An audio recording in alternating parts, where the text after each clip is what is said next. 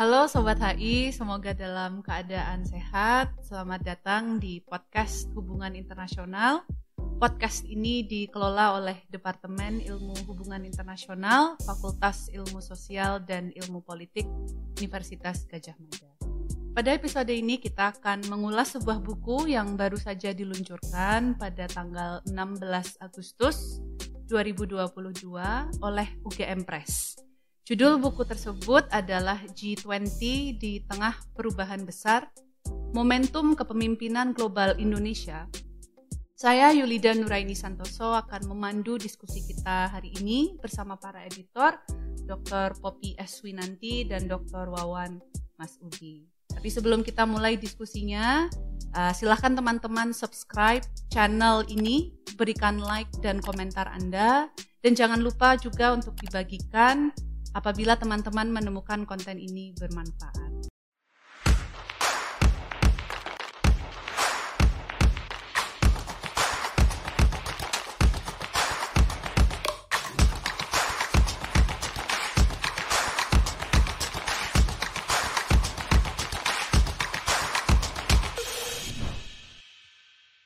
Baik, kita langsung mulai saja diskusinya. Halo Mbak Popi, Mas Wawan, semoga dalam keadaan yang sehat.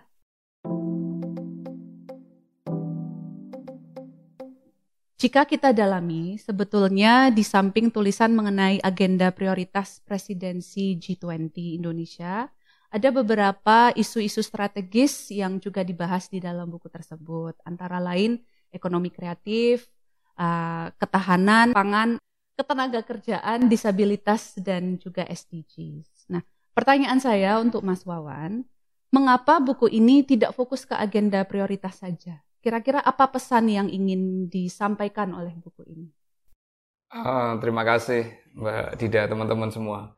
Kita tahu bahwa sesungguhnya ah, G20 uh, ah, sudah berkembang secara luar biasa dalam beberapa tahun terakhir, khususnya terkait dengan agenda-agenda yang dibahas. Selain isu-isu uh, finansial yang itu menjadi isu pokok ketika G20 didirikan sejak perkembangannya dari G7, G8 dan seterusnya.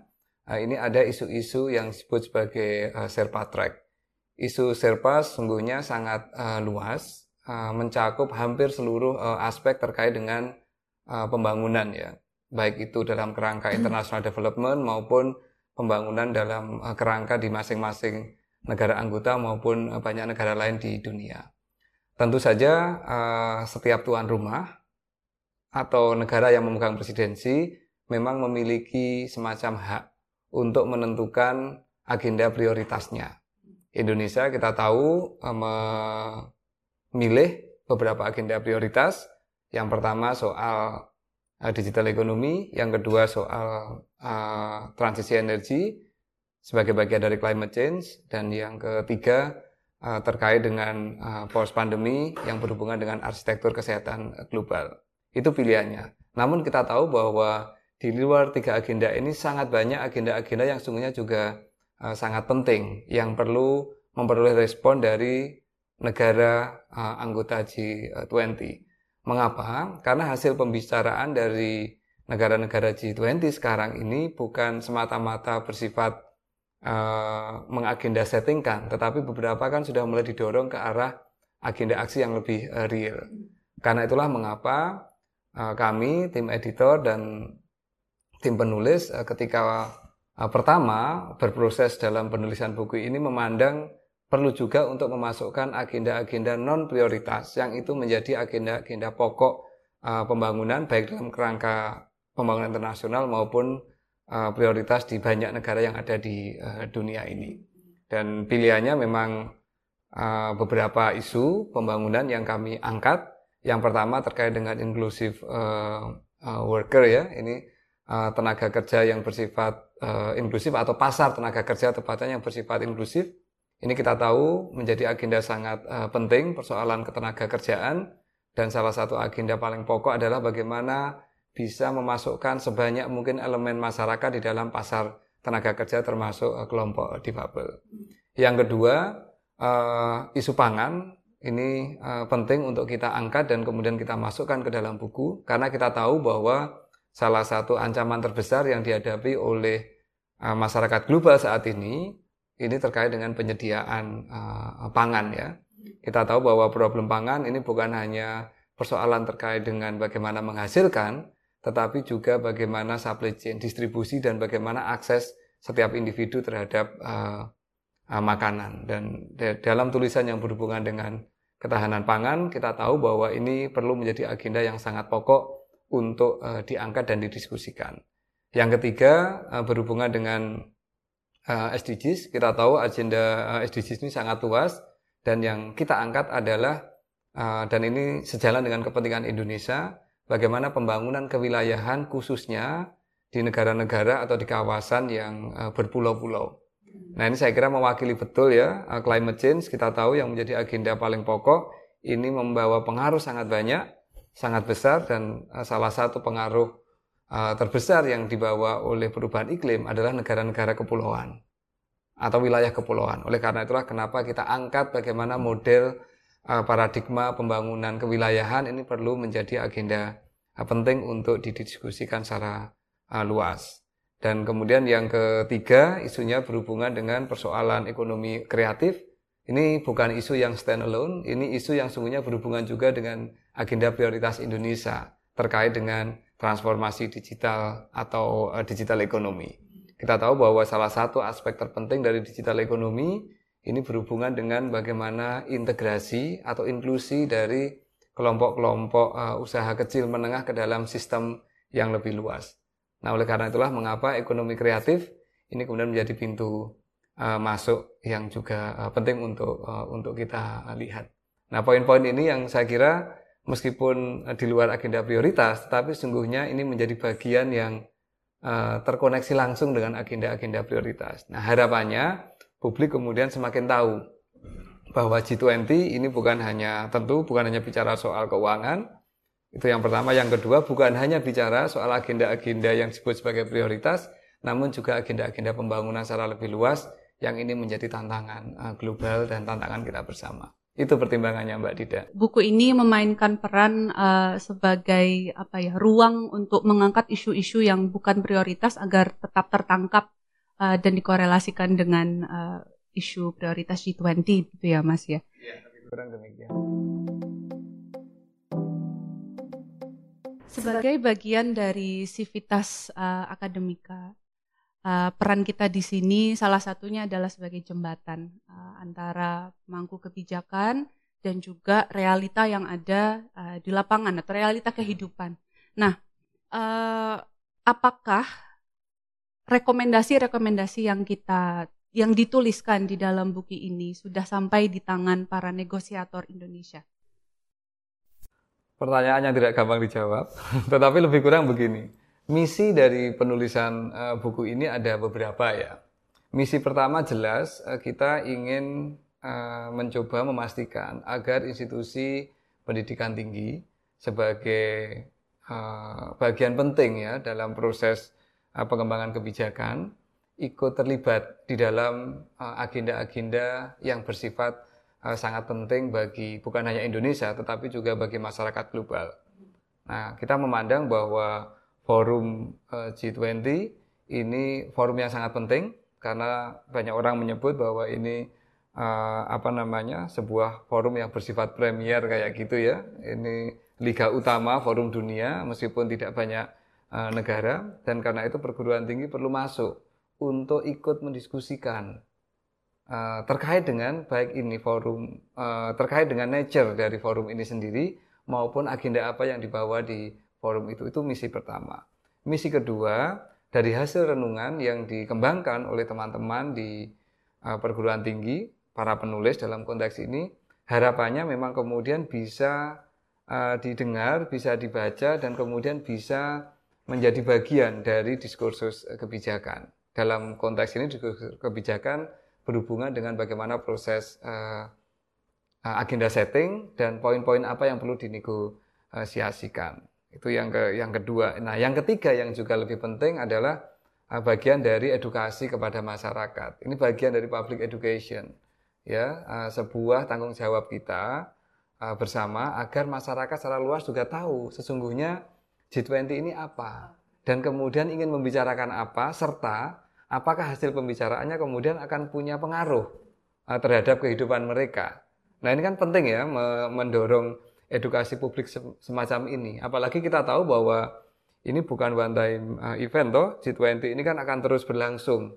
Nah, kebetulan tahun ini di Indonesia, tahun berikutnya di negara lain. Karena itu dari waktu ke waktu publik perlu aware sehingga kemudian mereka bisa menitipkan suaranya kepada pemerintah sebagai bagian penting dari negosiator. Pertanyaan apakah ini kemudian sudah didengar atau belum? Yang pasti uh, kami melakukan atau kita sudah melakukan beberapa proses uh, diseminasi ya terkait dengan baik buku ini maupun poin-poin penting dalam buku ini. Beberapa diseminasi sudah kita lakukan Eh, teman-teman yang kita punya working group lah ya, semacam working group atau task force untuk G20 sudah melakukan beberapa diskusi dengan apa sejumlah working group dan saya kira diskusi ini menjadi bagian penting tentang bagaimana ide yang kita bawa itu bisa didengar dan kemudian menjadi bagian dari uh, discourse itu satu. Yang kedua kita juga dalam proses uh, launching buku mengundang uh, banyak kalangan baik itu dari Kemenlu, dari Bapenas dan dari tempat lain. Harapannya dengan mereka diundang, mereka tahu ada buku ini dan kemudian bisa dibaca dan kemudian bisa menjadi referensi. Nah, yang ketiga uh, secara lebih personal ya, saya Mbak Popi dan teman-teman yang lain uh, menyampaikan kehadiran buku ini ke berbagai pihak. Nah, harapannya dengan cara seperti itu kemudian semakin banyak orang yang membaca buku ini termasuk para negosiator dan kemudian siapa tahu itu kemudian bisa apa memberikan input yang substantif. Meskipun kita tahu ya bahwa proses negosiasi dalam kerangka apa G20 maupun dalam kerangka forum internasional seperti ini kan tidak uh, tidak uh, tidak mudah ya. Masing-masing negara pasti akan datang dengan domestic interest uh, mereka terlebih dahulu. Tapi itu kira-kira upaya yang kita lakukan dan ini masih ada waktu sampai dengan setidaknya menjelang Oktober. Yang pasti kita akan mencoba untuk secara lebih luas mendiseminasikan buku ini. Termasuk podcastnya teman-teman H ini saya kira menjadi bagian penting dari proses diseminasi kan. Yang siapa tahu nanti kemudian bisa menjadi uh, jalan lain untuk bisa membuat agenda-agenda yang kita uh, bahas dalam buku diketahui publik secara lebih luas. Tapi jangan lupa sudah memberikan buku ini ke Bu Menlu. Oh iya nah, betul ya. Yang tanggal berapa itu ya Mas Dekan? Iya kemarin ada kemarin ya Sabtu itu. Sabtu lalu ada, ya. Buku memang sudah saya sampaikan secara langsung in person kepada Bu Menlu, kepada Bu uh, Retno dengan harapan kemudian uh, itu bisa uh, apa namanya dibaca dan kemudian ada hal yang perlu didiskusikan. Ya kami sendiri saya, Bu Popi, dan teman-teman akan secara lebih proaktif untuk menyampaikan kepada working group yang ada ya, baik itu di Kemenlu, Bapenas, uh, Kominfo dan ya banyak kementerian lain lah ya. Kita akan akan lebih proaktif untuk untuk memastikan agar apa yang dipikirkan oleh teman-teman dalam buku ini kemudian bisa juga didiskusikan dan menjadi bahan uh, pemikiran. Hmm, gitu. Mbak Popi. Puncak acara G20 sudah tinggal beberapa waktu lagi di bulan November. Uh, apa harapan para editor dan uh, Visipol UGM? Um, terima kasih Dida. Tadi saya kira Pak Dekan juga sudah menyampaikan beberapa harapan ya bagaimana buku ini uh, harapannya bisa menjadi bagian dari memperkaya wacana, memperkaya pemahaman secara lebih luas. Tapi saya kira di tengah situasi semacam ini tentu saja harapan yang paling utama tentu saja para uh, perwakilan kita harus sehat ya. Begitu ya Mas Wawan ya. Karena uh, di tengah kita menyiapkan podcast ini kita dengar sudah ada ministerial meeting sekarang yang sedang berlangsung dan salah satu uh, menteri kita mungkin tidak bisa hadir karena juga faktor kesehatan. Jadi hmm. memang penting yang pertama adalah harapan yang tidak kalah pentingnya kesehatan untuk kita semua, kesehatan untuk uh, delegasi kita yang akan uh, melakukan meeting dan seterusnya. Ada dua tantangan utama kalau menurut kami ya dari uh, merespons uh, perhelatan paling paling puncak gitu nanti. Ada yang pertama adalah tantangan yang besar tentu saja terkait dengan situasi geopolitik yang saat ini tengah mm-hmm. berlangsung terkait dengan uh, konflik Rusia Ukraina yang saya kira harus uh, sangat hati-hati direspons oleh pemerintah kita dan sampai dengan masa persiapan perhelatan tersebut. Jadi harapan yang pertama tentu saja terkait kemampuan dari pemerintah kita untuk mengelola uh, situasi yang terimbas akibat dari uh, geopolitik yang saat ini tengah berlangsung. Karena jika pemerintah kita tidak uh, punya uh, mungkin kemampuan untuk mengelola itu akan akan bisa membahayakan kesepakatan-kesepakatan dan perlang apa namanya event yang akan berlangsung tersebut. Dan yang kedua tentu saja memastikan bahwa agenda-agenda yang diusung oleh pemerintah Indonesia baik agenda-agenda prioritas yang tadi dijelaskan oleh Pak Dekan itu bisa tersampaikan, bisa disepakati dan saya kira uh, beberapa teman di Departemen Ilmu Hubungan Internasional menjadi bagian dari uh, knowledge partner untuk salah satu uh, working group gitu. Kita memahami betul bagaimana dinamika yang berlangsung di dalam proses negosiasi tersebut yang tentunya kemampuan pemerintah kita yang diwakili oleh berbagai macam kementerian tersebut untuk bisa uh, mengelola forum dan kemudian pada akhirnya bisa mencapai kesepakatan yang diharapkan karena begitu ada kesepakatan saya kira agenda-agenda prioritas yang diusung oleh pemerintah kita akan menjadi bagian agenda global dan tentunya akan menjadi bagian untuk menyelesaikan persoalan global. Saya kira mungkin itu sih Mbak Dida harapannya. Pertanyaan uh, uh, selanjutnya, tapi sekaligus pertanyaan terakhir dari saya, uh, kepemimpinan G20 ini akan diteruskan oleh India tahun depan dan kemudian Brazil di tahun 2024 dalam sebuah uh, sistem troika yang harapannya memudahkan transisi isu maupun kepemimpinan. Nah, meskipun India dan Brazil ini merepresentasikan dunia selatan atau global south, tapi sebetulnya kedua negara ini punya corak uh, populisme yang yang uh, cukup kuat uh, dan ini berpotensi untuk uh, apa ya memiliki kepentingan yang berbeda dengan Indonesia. Nah, dalam pandangan Mbak Popi, uh, dan uh, dalam kaitannya dengan buku yang uh, yang sudah disusun ini, apakah kira-kira agenda yang ditawarkan oleh Indonesia uh, berpotensi diteruskan dalam kepemimpinan selanjutnya? Oke, uh, terima kasih Mbak Dida. Uh, mungkin sebelum menjawab ke sana ya, sebagaimana yang kita diskusikan di dalam buku ini, uh, kenapa ada sistem troika di dalam G20 sebetulnya menunjukkan karakteristik yang khas dari G20 yang berbeda dengan uh, apa namanya lembaga eh, lembaga-lembaga atau rezim uh, internasional lain seperti PBB, IMF atau Bank Dunia yang punya kesekretariatan secara tetap. Hmm. Sehingga kemudian uh, dalam forum seperti G20 yang tidak memiliki mekanisme semacam itu, hmm. tentu saja diperlukan mekanisme yang sedikit berbeda. Oleh karena itulah diperkenalkan yang disebut sebagai sistem troika ini yang artinya sistem kepemimpinan yang melibatkan kepresidensian uh, tahun sebelumnya yang sedang uh, memegang presidensi di tahun yang berjalan, lalu kemudian yang berikutnya. Nah, dengan sistem semacam ini, saya kira terlepas dari karakteristik dari negara-negara yang memegang presidensi itu akan akan tetap memberikan apa ya semacam mekanisme uh, kontrol gitu ya. Dan kenapa sistem ini diperkenalkan? Justru karena ingin menjaga kesinambungan topik-topik uh, yang diperkenalkan. Nah, uh, kalau boleh misalnya kalau kita merefleksikan dengan agenda prioritas yang diusung oleh pemerintah Indonesia, tiga-tiganya kecuali tentu saja yang uh, tata kelola uh, pandemi ya, karena itu betul-betul merespons yang paling uh, urgent dan yang paling uh, sedang dihadapi dunia saat ini. Tetapi isu energi misalnya, isu climate change maupun isu digital ekonomi bukan isu yang sama sekali baru gitu. Dia merupakan kelanjutan dari isu-isu yang sebetulnya sudah dibicarakan pada G20 sebelumnya.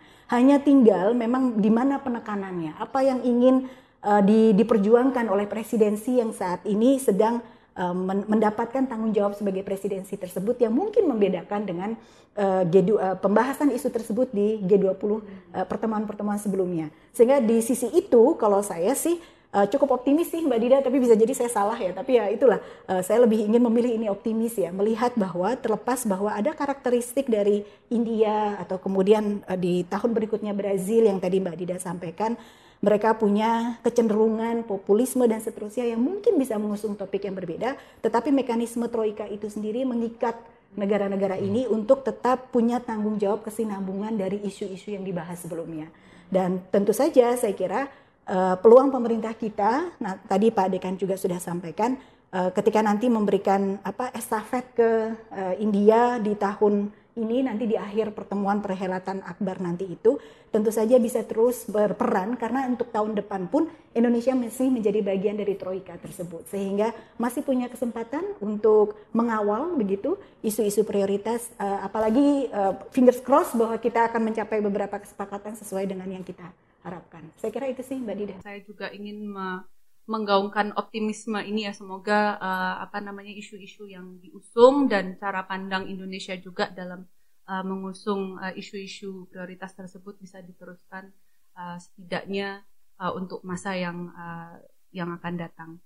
Terima kasih uh, Mbak Popi dan Mas Wawan atas hal. Oh silakan Mas Wawan. Khususnya terkait dengan buku ini. Jadi teman-teman semuanya uh, buku G20 di tengah perubahan besar uh, apakah ini akan menjadi momentum kepemimpinan global Indonesia atau tidak. Ini merupakan buku pertama yang ditulis oleh uh, siapa pun lah di uh, Indonesia ini terkait dengan bagaimana kita bisa memahami uh, forum G20. Nah, ini buku pertama ditulis uh, lintas uh, fakultas, lintas disiplin dan mudah-mudahan ini bisa menjadi referensi uh, pokok ya bagi uh, para pengkaji hubungan internasional, bagi para pengkaji uh, pembangunan internasional, bagi para uh, pengkaji isu-isu uh, pembangunan global uh, kita. Itu yang ingin saya sampaikan di akhir ini. Terima kasih banyak Mas Wawan, Mbak Popi uh, atas waktu yang diberikan untuk diskusi ini. Uh, Sobat HI, semoga diskusi ini bermanfaat uh, bagi sobat HI yang ingin mendapatkan buku ini, uh, ada giveaway uh, dari Visipol UGM. Syaratnya sederhana saja. Uh, sobat HI harus subscribe channel YouTube ini, lalu menuliskan jawaban di dalam kolom komentar uh, atas pertanyaan berikut.